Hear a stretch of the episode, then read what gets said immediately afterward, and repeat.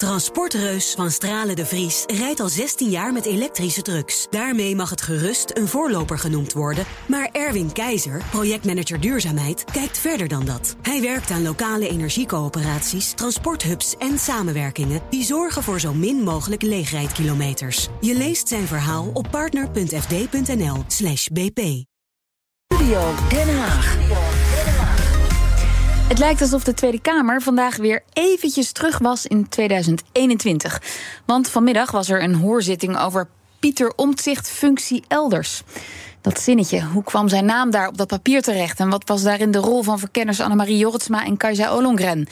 En ook oud-Tweede Kamervoorzitter Gadisha Ariep was bij de hoorzitting, hoorzitting aanwezig.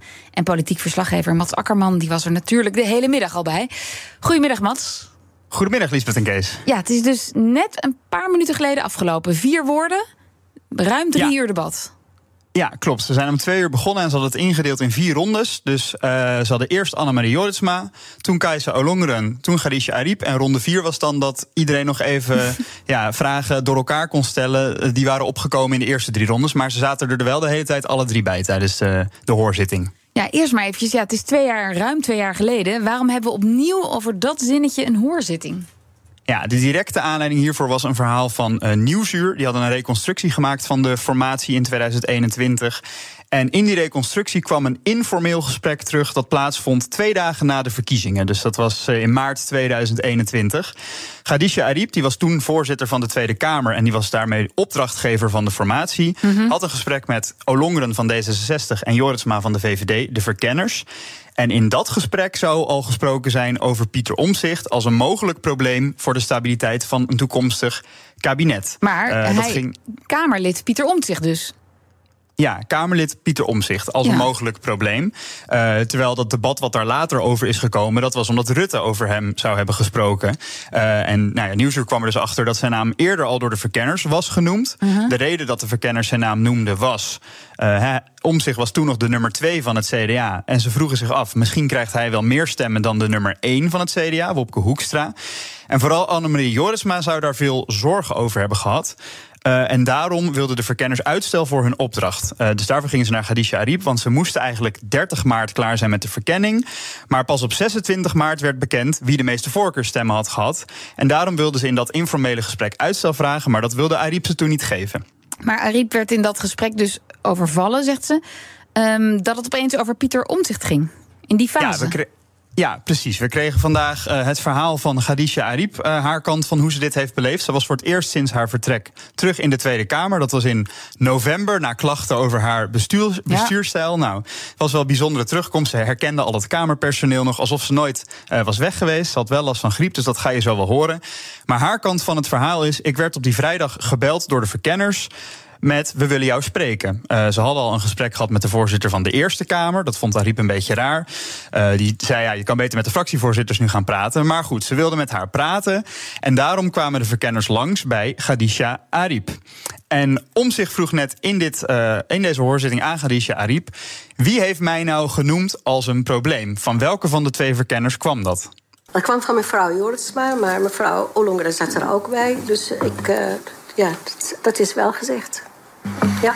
Dus mevrouw, mevrouw Jorritsma heeft mij dus meteen als een probleem en een risico gekwalificeerd. Iets wat ze hier net zei dat er niks toe te voegen was over wat ze eh, gedaan had. Hoe beleeft u, want u heeft meerdere kabinetsformaties meegemaakt, de taakopvatting van de eh, twee verkenners? De taakopvatting was volgens mij niet het inventariseren welke partijen een probleem zouden vormen, maar welke partijen eventueel met elkaar in zee zouden willen gaan. Hebben zij zich daar ook vaag aan gehouden in uw, in uw beleving? Mevrouw Riep. Ik heb eh, in 2017 het hele proces eh, begeleid. eh, zowel in de verkenningsfase als tijdens de informatie. En in die fase is nooit over personen gesproken. Ja, en Ariep zei dus: Ik werd gevraagd voor dat gesprek door Olongeren en eh Joritsma. En ik vond het heel raar dat het in één keer in dat gesprek al over personen ging. Dat past helemaal niet bij de rol van de verkenner. En dat past helemaal niet in die fase van de formatie waar je dan in zit. Dus Ariep werd er echt door overvallen en heeft toen in dat gesprek ook gezegd: Ik vind dit niet kunnen. Eh, jullie moeten gewoon met de fractievoorzitters gaan praten en verkennen. En we moeten het niet over personen hebben. Nee, want voor alle duidelijkheid, dit ging om de verkenning van een nieuw kabinet. En dan, en dan wordt in zo'n gesprek al gesproken over de eventuele lastpak. Uh, Kamerlid Omtzigt, die het een eventueel nieuw kabinet lastig zou kunnen maken. Heel voorbarig. Ja, ja, precies. Want daarmee gaven de verkenners eigenlijk al aan dat ze vonden dat het CDA. Uh, in zo'n nieuw kabinet moest zitten. Dat hebben ze ook in het debat gezegd. Wij vonden het logisch dat het CDA erin zou zitten in een stabiel kabinet. Maar ja, dan ben je dus eigenlijk niet meer aan het verkennen. Dan ben je eigenlijk al een beetje een soort preformatie aan het doen, waarbij je echt al kiest welke partij je er wel en niet in wil. En Mats, eh, wat wel bijzonder is, is dat natuurlijk Pieter Omtzigt bij het debat aanwezig is, in tegenstelling eh, tot 2021. Hè. Eh, de hoofdrolspeler. Ik kan me voorstellen dat hij nog wel veel vragen had, of niet? Zeker. En het was ook wel echt een beetje ongemakkelijk. Ik zag net een hele mooie foto van Joritsma... die dan een hand gaf aan Pieter Omzicht voor het debat. Maar Omzicht zat toen, het, uh, toen er tijd met een burn-out thuis... moest alles via de tv volgen. Er was toen een 14 uur debat. Uh, 14 uur lang debat over Pieter Omzicht functie elders. Moest hij allemaal van het huis volgen. was op 1 april, en, toch? was op 1 april, ja, het beruchte 1 april debat. En ja, Omzicht was ontzettend fel. Bijvoorbeeld op Annemarie Joritsma. U ligt de bal bij mij. Maar ik denk dat u naar jezelf moet kijken. U heeft ergens een sessie gehad waarbij kennelijk gewoon besproken is wat de onderhandelingstechniek van Hoekstra was. Dat de heer Klaver op een of andere manier toch de PvdA niet zou vasthouden. Dat ik een probleem zou zijn, heeft u besproken. Daarna heeft u zijn functie elders over mij besproken. En dan gaat u mij verwijten dat ik denk dat er over mij gesproken is. Dat is de omkering van alle werkelijkheid als er een Kamerdebat is geweest van 12 uur dat enkel over mij ging. Na dat Kamerdebat, voor het Kamerdebat en na dat Kamerdebat... heb ik meerdere keren gevraagd om opheldering bij u. Die is nooit gekomen. Dus dit is ook gewoon de vraag aan u. Geef gewoon een keer spontaan aan... dit is ongeveer hoe we ermee omgegaan zijn. Ja, en dan is dit de reactie van Annemarie Jorisma. Ja, u heeft nu een aantal dingen genoemd die overigens nooit door mij of door wie dan ook van ons, uh, de functie elders, hebben wij niet in de mond genomen. Laat ik daar heel helder over zijn.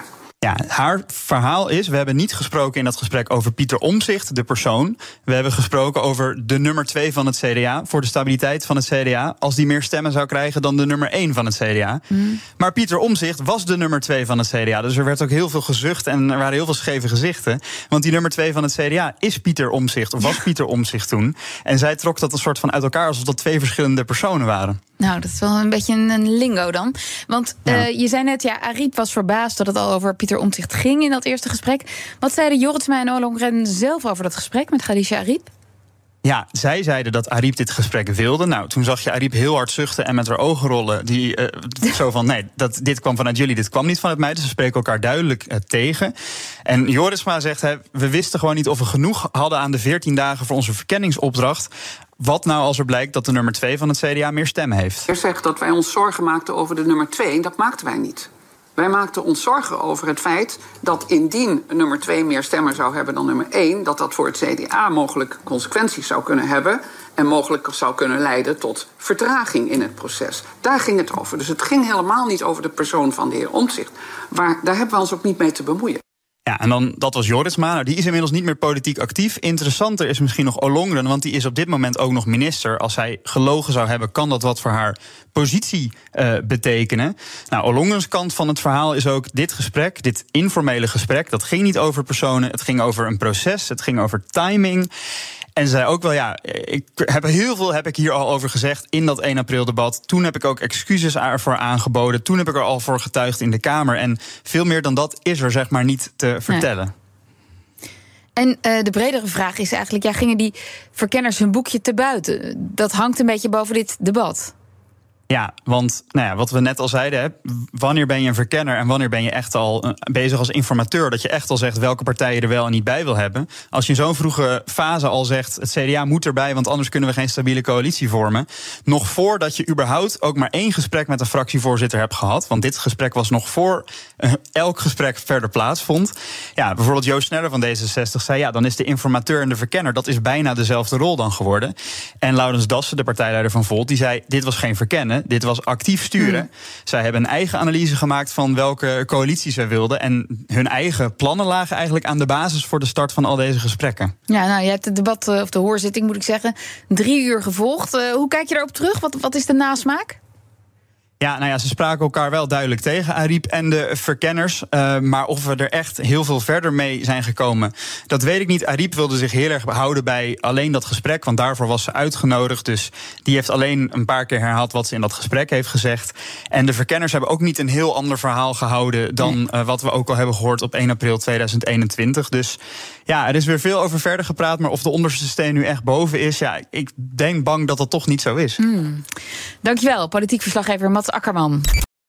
Transportreus van Stralen de Vries rijdt al 16 jaar met elektrische trucks. Daarmee mag het gerust een voorloper genoemd worden. Maar Erwin Keizer, projectmanager duurzaamheid, kijkt verder dan dat. Hij werkt aan lokale energiecoöperaties, transporthubs en samenwerkingen die zorgen voor zo min mogelijk leegrijdkilometers. Je leest zijn verhaal op partner.fd.nl/bp.